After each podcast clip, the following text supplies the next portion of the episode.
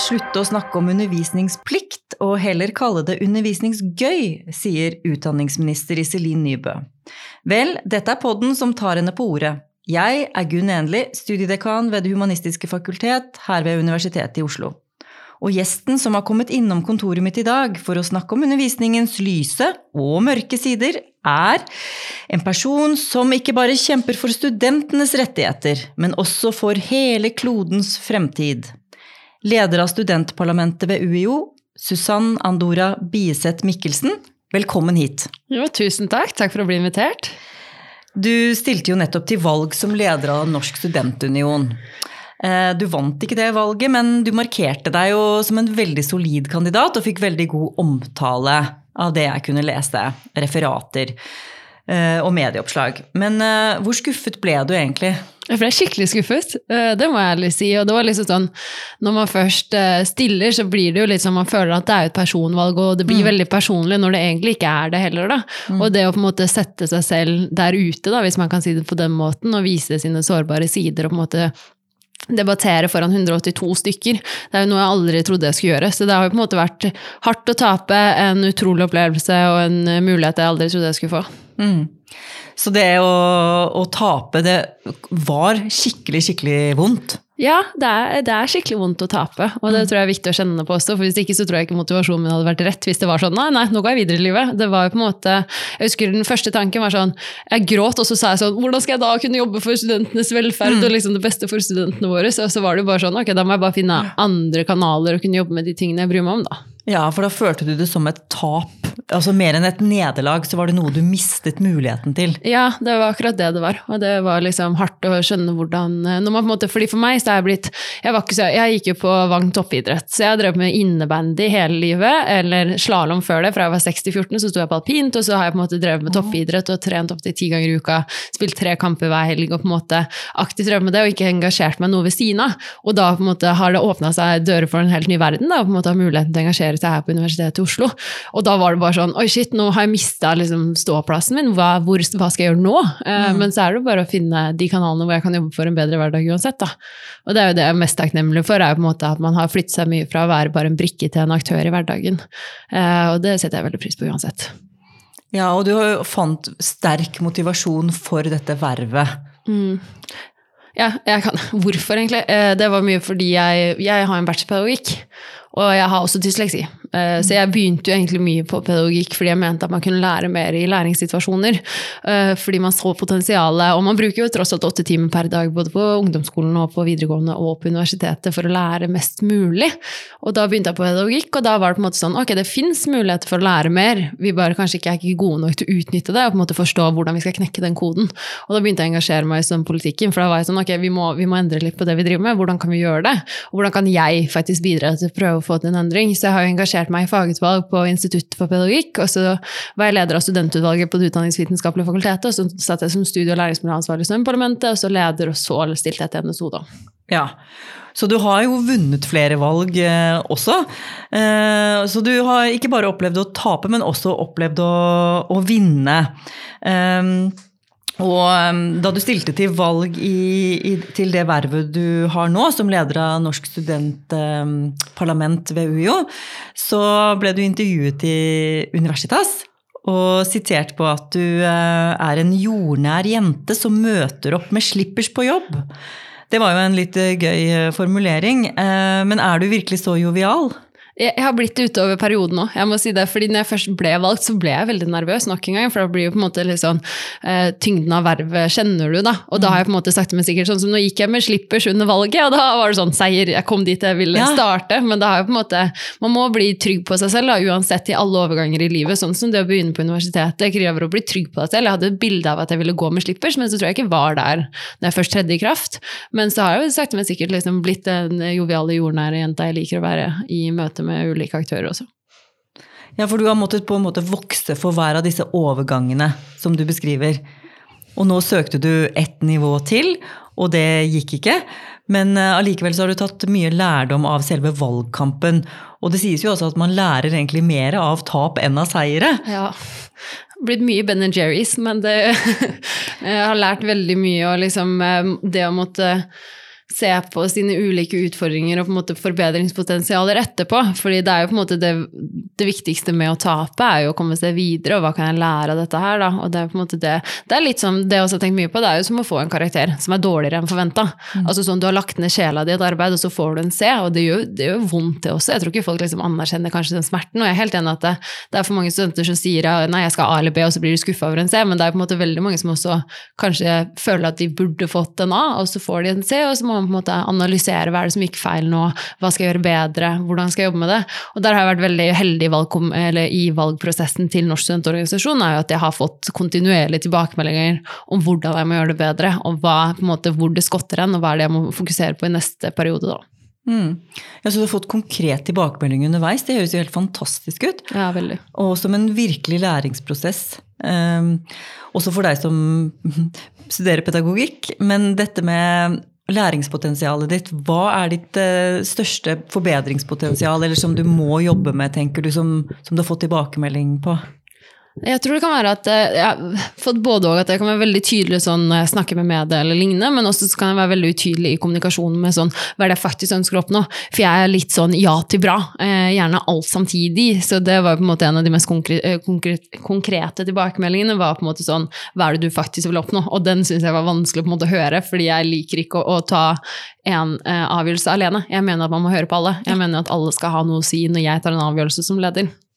Så du ble bedt om å prioritere, og det er noe som du egentlig ønsker å gjøre i fellesskap og ikke helt alene. Ja, og, men da sier man jo at som leder så skal du til syvende og sist ha siste ordet på hva er det som burde prioriteres, og på en måte det de sa til meg. Men jeg er sånn, ja, men da har man jo kanskje sittet i to timer og diskutert det, da. Da er det en helt annen måte å ta en avgjørelse på enn når noen setter deg på en scene og sier sånn prioriter. Og jeg, bare, sånn, jeg har jo ikke snakka med kollegaene mine, hva er det de vil? Jeg har ikke kollegaer i dette, i dette scenarioet som dere forestiller, da. Mm. Så det var på en måte vanskelig. Men jeg ser jo på en måte hva de mener også. At man skal, hvordan kan jeg kommunisere at jeg vil være en tydelig leder uten å si at jeg er en autoritær leder også, som andre sa i valgkampen.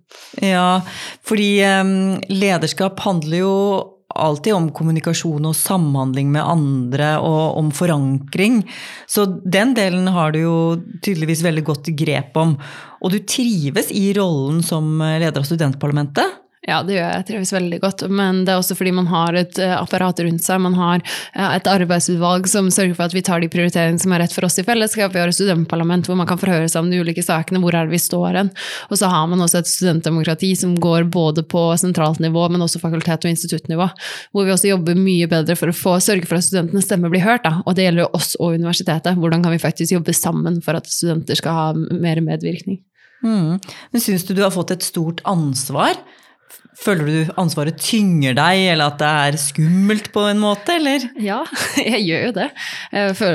Innerst inne har jeg litt lyst til å si sånn nei, nei, jeg merker ikke det i det hele tatt. Men det er jo selvfølgelig når du blir ringt opp av journalister, hva er det studentene mener i denne saken? Og så må du virkelig ta koblingene fort med hvordan er det vi stiller oss i disse sakene.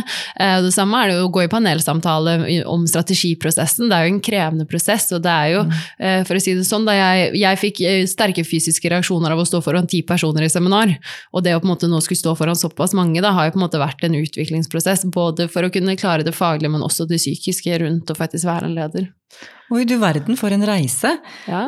Det å få fysiske plager og å stå foran en forsamling, eh, du beskriver det som Er det skjelving i hendene, eller er det andre nervøsitet, uro som som du kan kjenne smerte av, eller? Ja, det var jo litt som jeg var inne på. Det, det gjelder veldig mange. Vi vet jo at 50% av studentene sliter med å ta ord i faglige sammenhenger ifølge Studentenes helse- og trivselsundersøkelse. Men ta meg, min reise, da. Jeg har dysleksi. Eh, alltid sliter mye med å liksom lese høyt foran mennesker. Det er på en måte sluppet unna, da, kan man si på en litt sånn stygg måte. Eh, så jeg ble på en måte ikke utfordra kanskje hardt nok, samtidig som man hadde såpass reaksjoner allerede på barneskolen for å snakke foran mennesker. Så for meg så har det på en måte vært veldig mye sånn gjennom å lese pedagogikken, så forstår jeg på en måte det å utsette seg selv for dette her i ulike grader, bygger ferdigheter, hvordan kan jeg bygge de ferdighetene jeg trenger for å stå liksom, på en scene. Sånn som jeg går alltid med skjerf, fordi jeg rødmer. Og det kommer jeg nok til å gjøre en god stund til, og bare rødme hvis jeg skal snakke foran mennesker. For jeg blir så liksom, hva skal man si, excitement, da. Man blir liksom sånn Det kan jo være begge deler, både nervøsitet, men også sånn, sånn som jeg har spilt NM-finaler. Det er litt den følelsen jeg får. sånn, Nå skal man prestere på et annet nivå. Eh, så jeg går med skjerf, det er en av mine hva skal man si, mestringsstrategier. Og så holder jeg ofte hendene bak ryggen fordi jeg skjelver og sånne ting. Og det gjorde jeg f.eks. under strategiprosessen også sånn siste nå. Og det er bare sånn, Men det vet jeg at jeg får. Så det er på en måte hvordan kan jeg heller jobbe ut ifra de forutsetningene jeg har, og ikke la det på en måte senke meg i det å faktisk tørre å stå foran mennesker. da. Ja, og det høres jo veldig, veldig fornuftig ut å jobbe med det på den måten som du gjør. Takle det med strategier for å, å komme, ja, bli mer komfortabel. Da. Hvis du er mer komfortabel med skjerf, så gjør du det. Hvis du er mer komfortabel med å stå med hendene på ryggen. Men eh, det å rødme er jo også veldig sjarmerende og gir jo en veldig sånn autentisk eh, eh altså forestillingen eh, om at eh, vi, ingen er nervøse og alle er helt rolige og, og, sånn, den er jo falsk. Altså alle er litt nervøse og alle jobber med dette på ulike måter. Så så um, ja. Jeg er enig. Jeg tror litt det er derfor jeg snakker med deg om det nå. Mm. Fordi det er, Folk ser det jo ikke fordi jeg prøver å skjule det etter beste evne, men jeg mener jo at det er noe vi må snakke om. Mm. Og det gjelder spesielt blant studenter. Å på en måte være åpne om at selv om jeg snakker foran 3000-4000 personer på åpningstalen til universitetet, så skjelver jeg fortsatt. Altså sånne ting. Det, det er normale reaksjoner på å skulle stå foran mennesker. Men så presenterer man det som at det er en abnormal, da, og ikke snakker om det som at det er 50% av studentene våre. Og det er derfor vi også i studentparlamentet er veldig opptatt av ferdighetstrening. Fordi hvis vi skal være endringsagenter for en bedre fremtid og faktisk kunne bruke det vi skal lære på universitetet, så må vi på en måte snakke om det å snakke foran mennesker. Vi må snakke om det å skrive, vi må snakke om det hvordan det er å bli evaluert av en medstudent på noe du har skrevet. For det er, det er en terskel der hvor det er, litt sånn, det er litt vondt, det er litt sårbart. Jeg skal akkurat nå lese bachelorgraden til en venninne av meg, og hun var sånn Jeg blir nervøs, jeg. Mm. Og jeg bare sånn, ok, Vi har kjent hverandre i ti år, og hun blir enda nervøs når jeg skal vurdere hennes arbeid. Og det er ting man kanskje ikke snakker nok om. Nei, Det tror jeg du har helt rett i, at vi ikke snakker nok om det. At vi har alle våre strategier for å komme rundt det og for å håndtere det. Altså det å forberede seg godt eller å stålsette seg mot eh, kritikk. Men alle mennesker får jo en reaksjon eh, ved Og det er ubehagelig å, å, både ta og gi kritikk, eh, selv om man er i nære relasjoner eller kjenner hverandre godt, og selv om man har holdt på i mange, mange år, mm. både med undervisning og, og, forskning.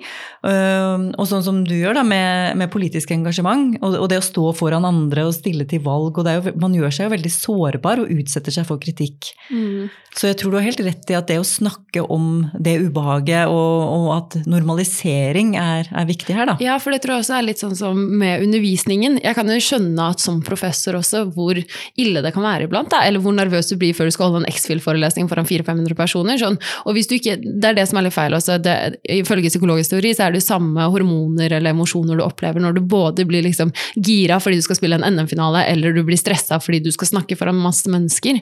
Og så snakker man på en måte ikke om at du får en reaksjon, og det vil jo gjelde for professorer òg. Så jeg savner kanskje en professor som sier sånn, vet du hva, jeg skal prøve noe nytt i dag.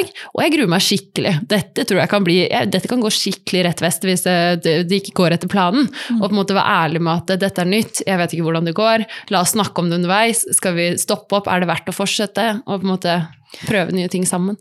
Ja, det var jo et eh, godt tips, eh, det. Å, å være åpen om eh, eventuelt usikkerhet. Og så er det jo flere undervisere som jeg har snakket med her i, i podkasten, som sier at det å være nervøs gir også god adrenalin mm. før de skal forelese. Altså at det er positiv, kan være en positiv spenning. Og før en NM-finale eller andre konkurranser, så vil man ønske å være litt ekstra gira. Og akkurat den samme energien ønsker man jo også i møte med studenter eller et stort publikum. Mm. Og det som er spennende, er jo fordi den spenningen fins, det er bare hvordan du liksom tolker den spenningen, som gjør om du blir nervøs eller om du blir gira. Da. Mm. Og det er sånne ting jeg har lært gjennom min bachelorgrad fordi jeg har studert innenfor dette feltet fordi jeg har lyst til å lære om det. Men så er det mange som ikke studerer det, og da får du på en måte ikke den kompetansen eller kunnskapen om hva som kanskje er best for deg. Da. Absolutt, og da kan man tro at det er en selv det er noe galt med, mens alle andre er så suverene og ja. mestrer det. For livet er jo kjempeenkelt. Ja, eh, ikke sant. Det er helt enkelt for alle. Eh, nei, eh, la oss eh, se litt på, på din rolle i, i, studentparlamentet. Føler du at du får mye innflytelse? Jeg gjør det. Og derfor skulle jeg også ønske at flere studenter stemte i valget. For hvis ikke så blir det litt sånn Det her er litt skjevfordelt, nå har jeg veldig mye påvirkning. Kan ikke dere på en måte si fra hva dere vil vi skal påvirke? Ja, at du får for mye makt, nesten. Ja, jeg syns det. Og det, det er derfor vi også jobber mye med valgoppslutningen. For vi syns jo at det er synd at den er så lav, vi også. Man vil jo gjerne at makten skal være fordelt mellom alle studenter. Eh, men jeg vil tørre å påstå at det er sånn Nå høres det ut som vi har sjukt mye makt, det har vi jo ikke. Vi oppsøker jo de foraene hvor vi har muligheten til å påvirke, og så føler vi at vi blir hørt vi føler at studentstemmen har også vokst veldig frem nå under det rektoratet som er nå. Eh, det ser vi bl.a. at man tar en satsing på å få studentstemmen inn i strategiprosessen. Så det har vært veldig kult å se hvordan de faktisk vil at vi skal kunne påvirke, da. Ja, fordi dere mm, jobber jo på, på, vegne av studentene, og som du sier, engasjementet til studentene er litt sånn labert ved valg. Hva var valgdeltakelsen nå nylig? Var den rundt 16% 15,1. Ja, så lavere enn 16, altså 15,1. Ja. Da er det jo, da er det jo um, et fåtall av studentene som får uh, uforholdsmessig mye innflytelse på resultatet. Um, Men det er ikke vår feil. Vi legger til rette for at de kan påvirke. Så vi, sånn, vi skammer oss litt fordi vi får mye makt, og så er vi bare sånn Men ta gjerne litt av makten vår. Gjerne bidra hvis dere vil, og påvirke i alle retninger. Men vi jobber jo f.eks. med ulike måter å påvirke og medvirke, for det ser vi at vi scorer lavt på på studiebarometeret. Og der vil jeg også sende en, en takk til liksom, rektoratet, for vi fikk en ny stilling i administrasjonen til studentparlamentet. For vi har hatt én person som har vært ansatt i 100% som skal følge opp et helt studentdemokrati på universitetet, og det er jo ganske, ganske vanskelig. Det det er ganske mange fagutvalg og studentutvalg. Ja, Så det har vært en styrking av eh, studentdemokratiet på Universitetet i Oslo eh, i løpet av de siste Tre månedene, altså. Tre månedene. Eh, ja, mm. Vi fikk en ny person som begynte for tre måneder siden. Ja. To-tre måneder. Nå ble jeg litt usikker. Går, går veldig fort. Ja, Men uansett så, så er også dere koblet sterkt på strategiprosessen for, mot 2030. Ja, og så møter vi opp. Vi var veldig tidlig ute, fordi før så har vi på en måte prøvd å påvirke, men så kommer vi i sluttfasen. For det å forstå hvordan prosesser på UiO foregår, det er vanskelig. Altså det er komplisert, og så er det gjerne ulikt ut ifra hvilket organ og rådgivende og styre og bla, bla. Eh, så vi dette er jo mitt andre år på fulltid, så da brukte vi mye tid i starten allerede på sommeren. sånn, Hvordan kommer strategiprosessen til å se ut? Når er det vi skal komme med innspillene våre? Og så på en måte begynte vi der, og så hadde vi et møte med alle tankesmilederne ganske tidlig i prosessen for å høre hvordan kan vi være med på å liksom, fremme studentenes stemme. da. Ja, det høres ut som dere jobber målrettet og, og strukturert eh, også opp mot eh, universitetsledelsen og, og, hele strategiprosessen. Mm. Men din kjernesak overalt, altså den overgripende um, Målsetningen din er bærekraft, og at du ønsker å jobbe for et bedre, bedre miljø. Eh, kan du fortelle litt om eh, engasjementet ditt eh, for miljøet, og hvordan det påvirker deg som studentpolitiker? Ja, eh, det jeg kan begynne med også er at En av grunnene for at jeg har engasjert meg så mye i bærekraftsmålene, er fordi jeg mener at UiO som institusjon har en veldig stor mulighet til å påvirke samfunnet rundt seg. Og jeg vet jo gjennom å på en måte ha engasjert meg hvor mye man gjør, at man blir hva sitert opptil 50 ganger daglig eh, i mediene. Og det er jo ting man ikke kanskje får med seg som student. Men en av grunnene for at vi engasjerte oss veldig i bærekraftig utvikling, er jo fordi vi er et breddeuniversitet. Og vi ønsker å se mer tverrfaglig samarbeid for å på en måte imøtekomme disse vanskelig, vanskelig sammensatte problemene som morgendagen har. Da. For det krever liksom ekspertise og samarbeid på alle felt om vi skal klare å snu denne negative trenden vi har sett. Da. Og så tror jeg det var på en måte mye av det som engasjerte meg, er at jeg har alltid vært engasjert i dannelse. Um, for, som er et mye omdiskutert tema. Da. Uh, men for meg så har det på en måte vært det å ikke bare se på hva vi blir, men også hvem vi blir når vi er ferdigutdanna ved institusjonen. Og da var det sånn, så er det ulike teorier. sånn, Skal du dannes til å bli deg selv, eller skal du dannes for å være en verdensborger? Og for meg så har det vært mye mye sånn ok, vi må jo dannes med et visst ferdighetssett som gjør at vi kan imøtekomme morgendagens utfordringer, og så er det det at vi må ha en, hva skal man si, en etisk forpliktelse til å faktisk møte disse utfordringene og jobbe for dem sammen da, når vi er ferdig utdanna. Så det er på en måte ikke bare hva vi blir, men hvem vi blir, og de vi blir, er verdensborgere som ønsker å på en måte gjøre samfunnet rundt oss bedre. Mm. Ja, og du har jo argumentert for at eh, bærekraftsmålene må komme inn i selve studiene, altså selve utdanningsløpet. Hvordan konkret eh, vil du foreslå at det skal gjøres? Der håper jeg at eh, Link og hele universitetet kan hjelpe meg litt. det skal Jeg innrømme. Jeg har tenkt mye på, for det finnes veldig mange ulike måter å gjøre dette på. Det ene er enkeltemner som liksom har ett bærekraftsmål som fokuserer på dette her. Og det ser vi at det kom frem i bærekraftskonferansen i Bergen, som har blitt en veldig bra arena for å diskutere slike utfordringer. Og så har man på en måte sånn, skal det være en markering på siden, sånn at studentene blir mer bevisste om at det fins bærekraftsmål, og at det akkurat denne, dette emnet svarer på dette bærekraftsmålet. Men så er det liksom det viktigste for meg er at det ikke blir en checklist. Og det viktigste for meg er jo på en måte nå, Bærekraftsmål nummer fire, target nummer syv, snakker jo om nettopp det med dannelse, eller for meg, da, det som er dannelse, vel å merke, siden det er ulike eh, måter å definere det på. Og da snakker man om at man skal være kritisk tenkende vesen som også tenker på likestillingsspørsmålet, en bærekraftig utvikling, altså at du etterlater en verden som var for meg bedre enn det du fikk den. Eh, så det er på en måte det som det, det, er et vanskelig spørsmål å svare på, og det tror jeg alle sammen må på en måte engasjere seg i. Og så er det på en måte Vi må omstille utdanningen da, for å imøtekomme det, og det er kanskje litt det også er gira på at man ser på. Hvordan kan vi faktisk gjøre det, da? Mm. Og på en måte ikke kanskje komme, Vi må jo komme til svaret i fellesskap, men at man har et felles mål, et felles ønske. Ja, for at ditt engasjement er ikke bare for eh, miljøet sånn, eh, i forhold til plastbestikk eller flyreiser og, og, sånne ting, men det er det også. Eh, men i tillegg så er det mye større, for det dreier seg om dannelse og hvilke spor vi etterlater oss som mennesker, og hvordan vi påvirker verden gjennom alt vi er og alt vi gjør. Mm. Stemmer det? Ja, det er det. Det er det. Det er ikke bare klima. Det er liksom bærekraftig utvikling, og det er også sosialt og Mm. Og du vil renvaske begrepet dannelse. Altså ikke gjøre det til noe borgerlig og, og sånn forfinet, men gjøre det til en, en litt mer jordnær da, ja. eh, idé. Ja, fordi jeg kom jo Jeg begynte jo, kom fra toppidretten, gikk inn på pedagogikk, lærte om dannelse. Så folk er sånn ja, det er borgerlig. Jeg er bare sånn hæ, er det det? Hvordan, hæ? Hvorfor er det det? Og så forstår jeg på en måte det gjennom universitetets historie, at det ble en borgerlig greie, at det på en måte er noe som ligger i universitetets historie fra Humboldt og lignende. Men for meg så er det jo bare sånn ok, skal vi dannes til noe, eller skal vi dannes for oss selv? Og det på en måte for meg har det vært spørsmålet, ikke, ikke alt annet. Jeg har på en måte gjort det ganske enkelt, da. Ja, og du likte den ideen fordi at du, som du sier, kommer fra toppidrettsmiljøet og, og, det var et nytt begrep for deg?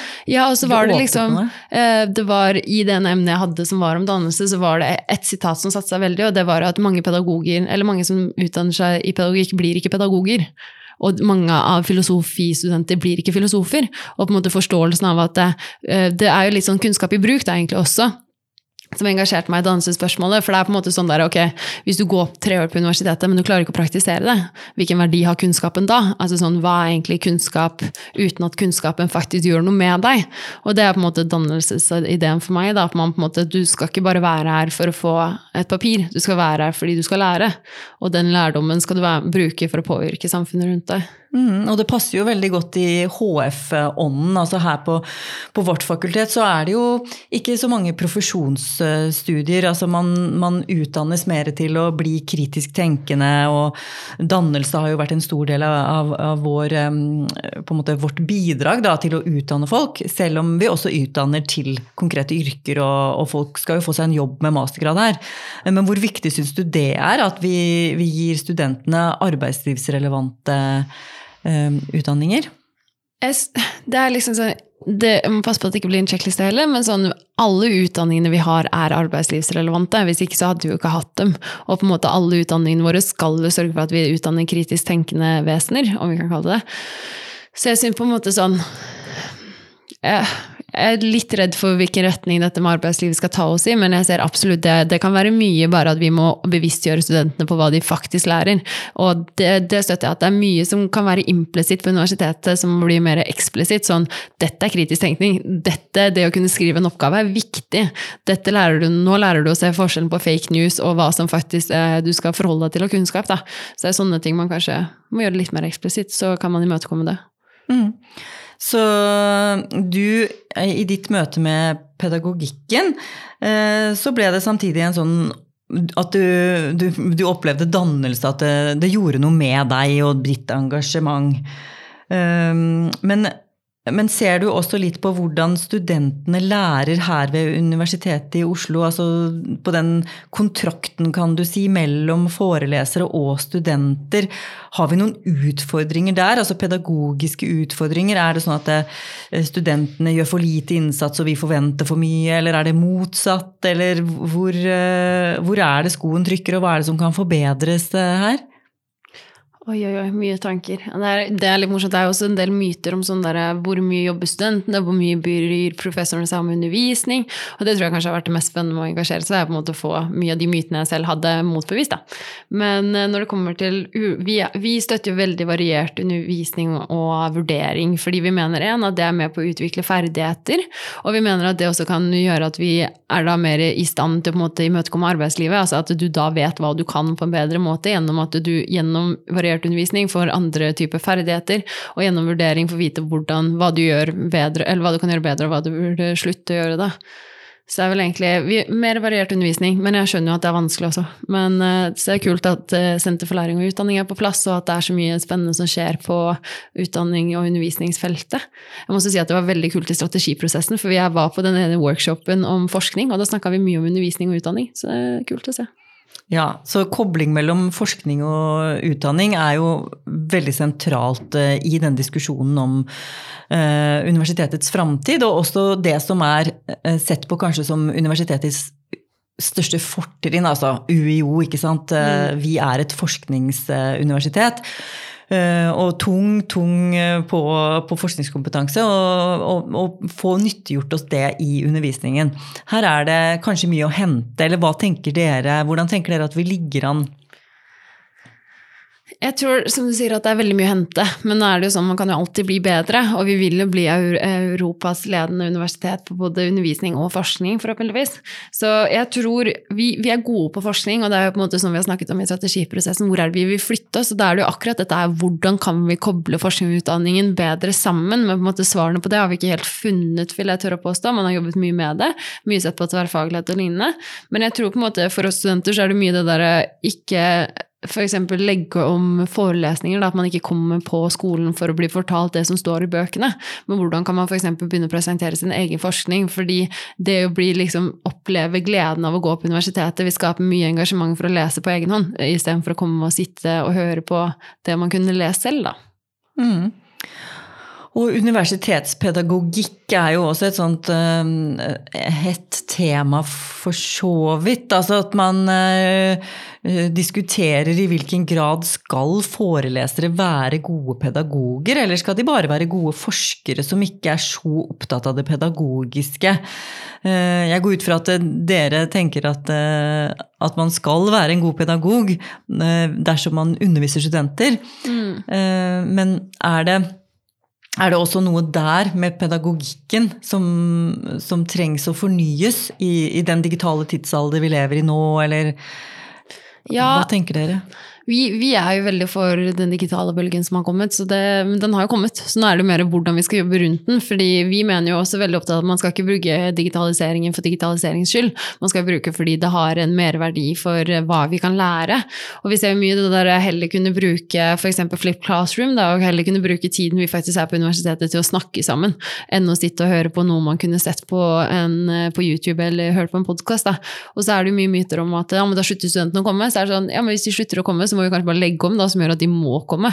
For hvis, sitter, hvis du går glipp av en uh, gruppediskusjon, så går du glipp av ganske mye kunnskap. Mm. Og jeg tror man kanskje undervurderer hvor mye vi forstår at vi lærer mer av andre læringsmetoder. da.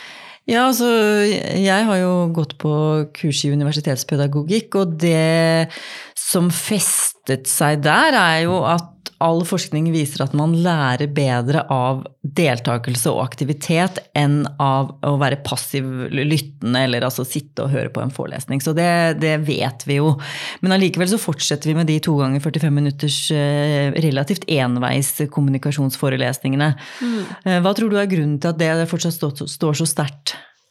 Tror jeg noen som kommer til å synes at det kanskje er litt fornærmende det jeg skal si nå, men jeg tror det er litt sånn å gå tilbake til der hvor vi begynte, og det er sårbarhet. Og på en måte sånn, Nå er man i en overgangsfase, og på en måte tørre å være på lag med studentene og si sånn Jeg vet ikke helt hva jeg driver med, eh, men la oss gjøre dette sammen, og så kan man ha heller kontinuerlig dialog på hva som fungerte, hva som ikke fungerte.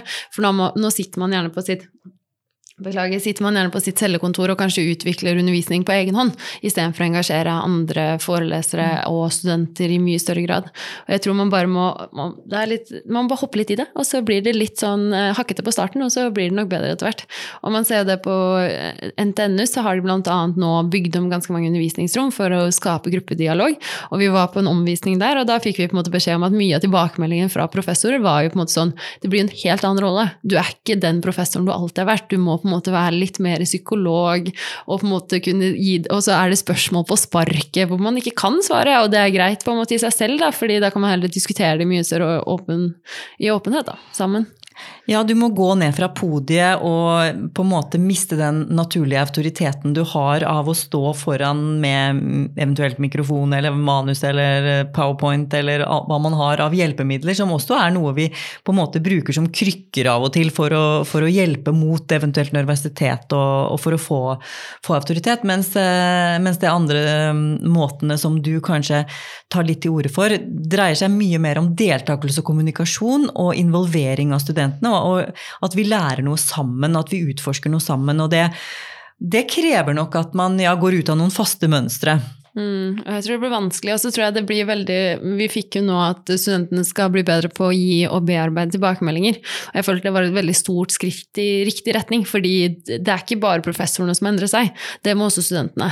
Og det, det er ofte det vi hører, er sånn at vi kan ikke drive med studentsentrerte læringsformer fordi studentene ikke møter opp. Så vi også har en kulturendring som må skje, men det er på en måte vanskelig å si er ikke studentene her fordi undervisningen er gjerne monolog fra foreleser, eller er de ikke her ja, altså du skjønner hva jeg mener, at det kan være begge veier. Er det sånn, ja. kommer det flere hvis vi fortsetter med studentsentrerte læringsformer, eller kommer de ikke uansett? Så det er litt sånn der, øh, gå litt i mørket akkurat nå, da. Ja da, og det med obligatorisk oppmøte er det jo også flere og flere som begynner med. Og det å gi ansvarsoppgaver til studentene, sånn at de skal f.eks. gjøre en oppgave fra gang til gang, jobbe i grupper, eller at det betyr noe om de kommer eller ikke, det tror jeg i hvert fall kan ha en større, større positiv enn negativ innvirkning. Eh, altså vi, vil, vi, vil, jo kreve mer av studentene. Mm. Det vil jo være vanskeligere å bare slenge innom en forelesning uten å ha forberedt seg. Men, eh, men, samtidig så vil jo det også kanskje gjøre det mer meningsfylt å være der. Ja. Eh, enn å bare sitte hjemme og, og, som du sier, eh, se på YouTube eller, eh, eller lese pensum på egen hånd. Ja, og så er det jo mye det vi ser her at man, vi er veldig sånn, vær forsiktig med obligatorisk, fordi det må være fordi det har en mer nytteverdi, ikke fordi studentene ikke er der. Fordi ofte så kan det på en måte kanskje være symptomer på en sykdom, at studentene ikke er der. Og det er jo litt hardt å ta inn over seg, kanskje, men da hjelper det ikke å gjøre det obligatorisk. Da må det virkelig skje endringer, og så kan man på en måte se om det har en mer læringsverdi for studentene å gjøre det. Mm. Ja, Så dere er i prinsippet litt skeptisk til obligatorisk, fordi det kan være en sånn type tvang som legger også lokk på, på problemer, eller eh, ja, ja, det vil jeg tørre å si. Eller altså. dårligere undervisning, da. Ja, ja litt sånn nå, nå, er det for få her, så istedenfor å på en måte gå inn i seg sjæl, så legger man opp eh, til obligatorisk, og da blir det på en måte sånn oi, det, det blir kanskje ikke det beste bruken av tiden for studenter, da. Mm. Det er et godt poeng, det. Uh, og det er som du sier, kanskje i en brytningstid nå, hvor man prøver ut forskjellige metoder, og det er en av de, de virkemidlene som blir prøvd ut. Da. Mm. Uh, men uh, studentene, som du sier, må jo også ta sin del av innsatsen i forhold til å få dette til å fungere i forhold til studentaktive læringsformer og, og bedre læringsmiljø. og du ser jo at det er lav deltakelse ved valg og lavt mm. engasjement generelt. Hva tror du kan gjøres for å øke studentenes tilstedeværelse og, og engasjement i studiene? Nei, vi har jobbet veldig mye med masterplan for IT også, eh, og det er at studentene skal få en mye enklere digital inngangsport som gjør det mer intuitivt. fordi per dags dato så er det ikke lett å finne frem på UiO sine hjemmesider, og det tror jeg alle studenter føler på, og da på en måte er det vanskelig å bygge opp det psykososiale læringsmiljøet hvis det er avhengig om at du liker en Facebook-side eller ikke. Så vi jobber jo mye med at på en måte informasjonen fra UiO sin side, aka eh, Oi, unnskyld, det var veldig ungdom. altså eh, foreningslivet ved universitetet og mm. Lignende skal ha en lettere måte å komme i kontakt med studentene på. da. Så det, det, er sånne ting vi jobber med nå for å gjøre det enklere. Og det håper vi kan være med å liksom heve at studentene får informasjon de trenger. Mm. Så bedre mm, digitale kanaler til studentene. Altså at det er kanskje for uoversiktlig og for mange kanaler nå, eller for mange nivåer på informasjonen. Eh, en enkel app eller, eh, eller enkel nettside ja. som, eh, som gir informasjon. Om hva som skjer, og hvor det skjer. Spesielt da, fordi det, det vi er opptatt av, er at på en måte sånn jeg, jeg har tidligere sagt sånn, ja, studenter som har det bra, gjør det bra. Og da har jeg på en måte fått professor som er sånn, nei, men det er ikke viktig at studentene har det bra. Og da har vi på en måte hatt en liten misforståelse. At jeg mener å ha det, ha trygghet, ikke føle seg ensom, eh, psykososiale læringsmiljø er på plass. Mens man skal ha det ubehagelig. Det er jo ikke behagelig å lære alltid. Det er vanskelig, og det skal være utfordrende og krevende. Men det kan godt være utfordrende og krevende så lenge du har venner rundt deg. og litt sånne ting da. Ja, og det høres ut som dere snakket litt forbi hverandre, fordi det dreier seg vel om eh, å være trygg, eller altså studenter som har det bra, gjør det bra, eller som er trygge og har eh, ja, noen å henge med rundt studiene, mens eh, er du ensom, usikker hele tiden, går på, går på tå liksom, og er redd for å si og gjøre noe feil, ikke føler deg trygg, så blir du heller ikke en god student, da. Nei, ikke sant, og det er jo tilbake til det der litt med ferdigheter og trygghet, og ikke bare hva vi blir, men hvem vi blir også. At man vil gjerne utdanne mennesker som er trygge på seg selv, og det gjør man gjerne ved å på en måte ha de rammene man trenger mens man er student også. Mm. Så dere vil eh, være mm, positive til alle mulige tiltak som motiverer studenter til å rekke opp hånda eller å delta og, og, og bidra inn. Uh, en av de store utfordringene vi har på Universitetet i Oslo, er jo at studenter mistrives, rett og slett. Altså, vi har jo den berømte SHoT-undersøkelsen. Eh, det er en undersøkelse som spør studentene hvordan de trives på universitetet. Og, og, særlig med vekt på ensomhet. Har du noen å være sammen med? Og den undersøkelsen spør også om rus og om andre typer angst. Eh, altså veldig, veldig varierte, men, men store ja, utfordringer ved studentlivet. Da. Hvordan, mm. hvordan studentmiljøet er. Uh, og da, da, blir man jo ganske sjokkert når man ser hvor mange studenter som er ensomme og ikke har noen å være sammen med, og som mangler tilhørighet til faget sitt og, og har ulike former for angst. Uh, hva tenker du vi kan gjøre med det, sånn for å få et bedre studentmiljø? Jeg tror det er viktig å ta med seg mye av det psykologen også har sagt. at det å på en måte kjenne, Jeg, jeg var ensom, og jeg hadde samboer. Så det er jo på en måte sånn der, mm. alle kjenner jo på ensomheten og mm. på en måte hva det betyr for deg som enkeltindivid. Mm. Så jeg tror det er viktig å på en måte ikke tenke sånn nei, men ingen har venner. Det er jo også opplevelsen av på en måte ikke til, tilhørighet. altså sånn mm. Hele din perspektiv på livet du lever akkurat nå. da, Og det tror jeg på en måte litt tilbake til derfor vi vil snakke om ferdigheter. fordi det er litt ferdighet å forstå at det, nå er det vanskelig å være student, og det er greit, men det går bedre. Du er i en læringskurve på en måte alltid altså Gjennom kontinuerlig tilbakemelding, gjennom å skape de ferdighetene, så vil vi også liksom ikke bare hva vi blir, men også hvem vi blir. Og da hvem vi blir, er et trygt menneske som på en måte kan bruke det vi har lært her. da. Mm. Så det å ha noen perioder på Blindern eller andre steder hvor man liksom er skikkelig usikker og føler seg som en maur i en maurtue, eller ikke har helt den, den, store, gode gjengen som man trenger, da, men kanskje man kommer ut i andre enden med et, et, knippe gode venner som varer hele livet. Ja, men da må det tilrettelegges for det. Og det er jo det vi ser er vanskelig med å være student, studenter i hovedstaden. Jeg tror folk sliter med å finne hverandre, og da hvis vi ikke er gode nok på en måte skape den tilhørigheten tidlig i studieprogrammet, så er det på en måte vanskelig å få dem til å komme hit og være her, da. Men hva er det som er spesielt vanskelig med å være student i hovedstaden Oslo? Eh, si eksempel i Trondheim så er det vel 180 000 innbyggere, og så er det 38 000 studenter. Ja. Da er du ganske sikker på at du kommer til å møte på en student eh, ganske ofte, da, i ny og ne. Mens i Oslo så er det jo bare én av ti som er studenter, så jeg tror på en måte det også har en påvirkning på hvor trygg du føler deg i å være i hovedstaden. Sånn er du i Trondheim, så vet du at det er studenter rundt deg på en annen måte, da. Men, eh, så det er jo litt sånn som når man går rundt på Blindern, det er jo en fantastisk følelse. Å bare være studentene og i vår lille boble her oppe. Ja, jeg er helt enig. Det er et veldig fint campus, og det er uh, veldig bra å se når det er studenter som uh, ja, henger ute på gress, eller at det er mye liv, da. Så det er jo det vi ønsker, vi som er uh, fakultetsledelsen på HF og, og, andre ledere, ønsker jo at det skal være mer liv på campus. Det er også noe rektor har sagt flere ganger. Og hvordan skal vi få til det? Det som er, vi har sett Matnat har jo fått til ganske mye nå på den fronten med tilhørighet, mestring og mening. Og, så jeg tror man må se dit, men de har ganske andre eh, typer midler å hva skal man si, kunne bruke på sånne tiltak. Da. Så man må jo se på, på en måte, hvordan kan man ta det de har lært, og kan, hva kan vi gjøre for å lære av det. De drar f.eks. bort på programseminar. Det kan bli vanskelig, men kan man på en måte legge opp til akkurat det samme her under semesterstart? Da? Eller kan man dra på museum sammen? Det vet jeg at noen også gjør, så det er ikke det. Folk gjør det jo, men vi må bare bli flinkere til å lære av hverandre også. Da Hva er det man, hvordan skal vi faktisk komme over denne kneika med at folk klarer å føle tilhørighet på universitetet? Mm. Ja, for du er jo studentpolitiker for hele UiO, altså alle fakultetene og alle studieprogrammene. Uh, og du nevnte nå mattenatt som et eksempel, og, og, nå er jo jeg eh, studiedekan for HF. Hva er det som kjennetegner HF-studenten, tenker du, eller hva er det som er de spesielle trekkene ved, ved de som studerer ved HF? Nå tenkte jeg på HF-gutten, men det er, eh, ja. det er jo den eh, universitas som måtte ha sagt, snakket om. HF-gutten kan du fortelle? Oi, ja. Det, det er ikke min uttalelse, dette er Universitas, men HF-gutten vil si på en måte de som rekker opp hånden, og så sier de sånn Er det ikke sånn at det er på denne måten? Så istedenfor å på en måte stille et spørsmål, så skal de alltid svare på ting, da. Gjennom på en måte være veldig synlig i forelesningssalen, men på en måte ikke tenke på at det er veldig mange andre der, kanskje. Kan man vel si. En litt irriterende person, med andre ord. ja.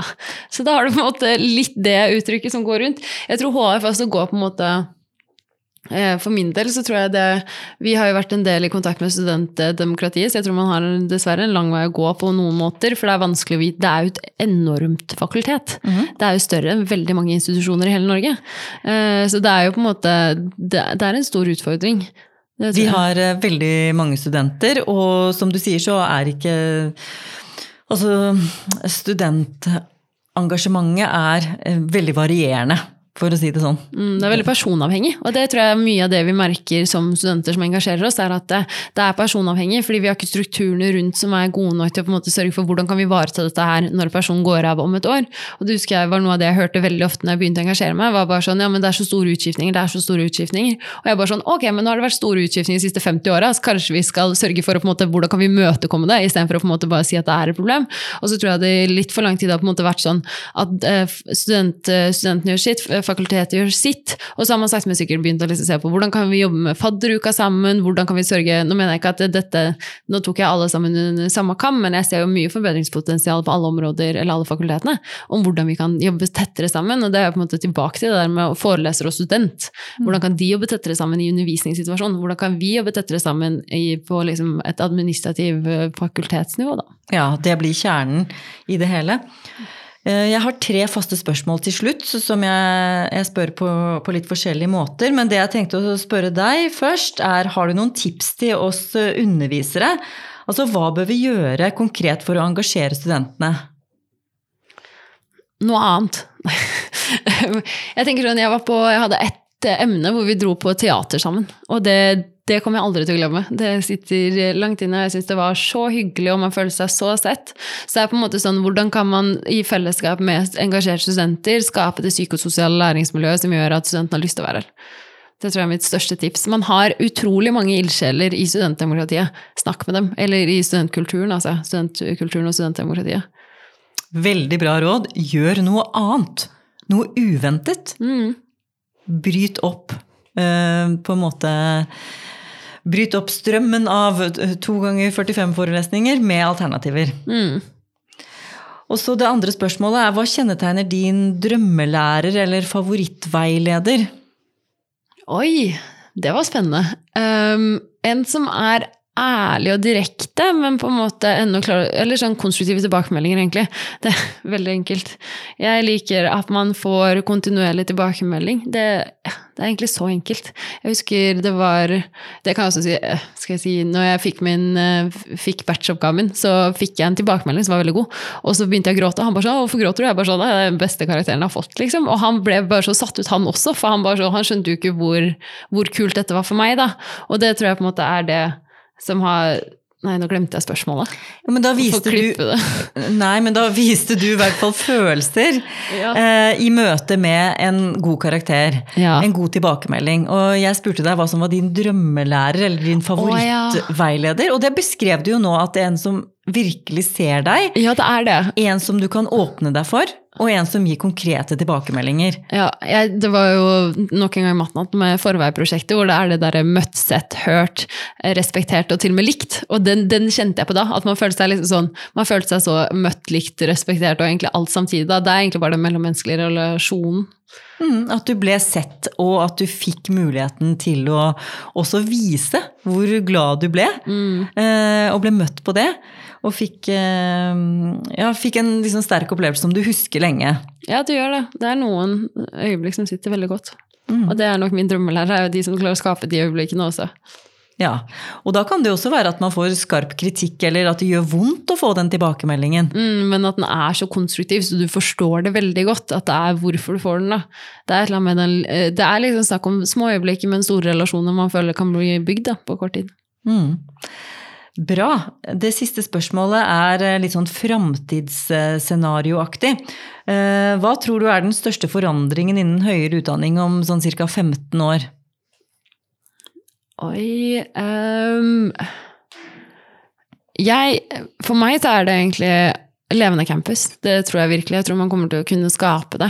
At når man er ferdig utdannet på UiO, så kan du ennå komme tilbake, for det er en egen liten bydel hvor du drar på de seminarene, eller for, ikke forelesninger, det heter jo Oi, oi, oi, pils med professor, har jeg lyst til å kalle det. Men, eh, Pils kan- med professor. Ja, at man kan komme tilbake og på en måte dra på foredrag og få litt sånn der, eh, få kunnskap, da. Fordi man vet hvor det skjer, og man vet at det er på UiO man kan dra for å oppleve det. Mhm, så bra og, og konkret og fint scenario, og at eh, vi blir en bydel altså som er levende, som det er eh, pils med professor, eh, mer liv på kvelden. Så du, ditt scenario peker jo litt sånn motsatt av det digitale. Det er ikke alt som er flytta til digitale plattformer i din framtidsvisjon. Det er også mye fysiske møteplasser. Ja, men de er jo, de er jo sammenheng, altså så man kan ikke se de hver, for seg. Fordi skal man sørge for at informasjon kommer ut, så er det digitalt. Altså skal man sørge for at eh, våre, de som er ferdigutdanna ved universitetet skal få innhente kunnskap, så må man vite hvor på UiO sin hjemmeside er det jeg går nå, hvor er det jeg kan på en måte lete meg rundt og ha det. Altså det er en ryddejobb å gjøre i det digitale. Ja. For å, for å vise folk riktig vei, og for å få studentene kobla på. Det gjelder både nå og om 15 år. Ja, og så må jeg jo si også at Drømmeuniversitetet er jo det samfunnsengasjerte breddeuniversitetet som vi jo kan være.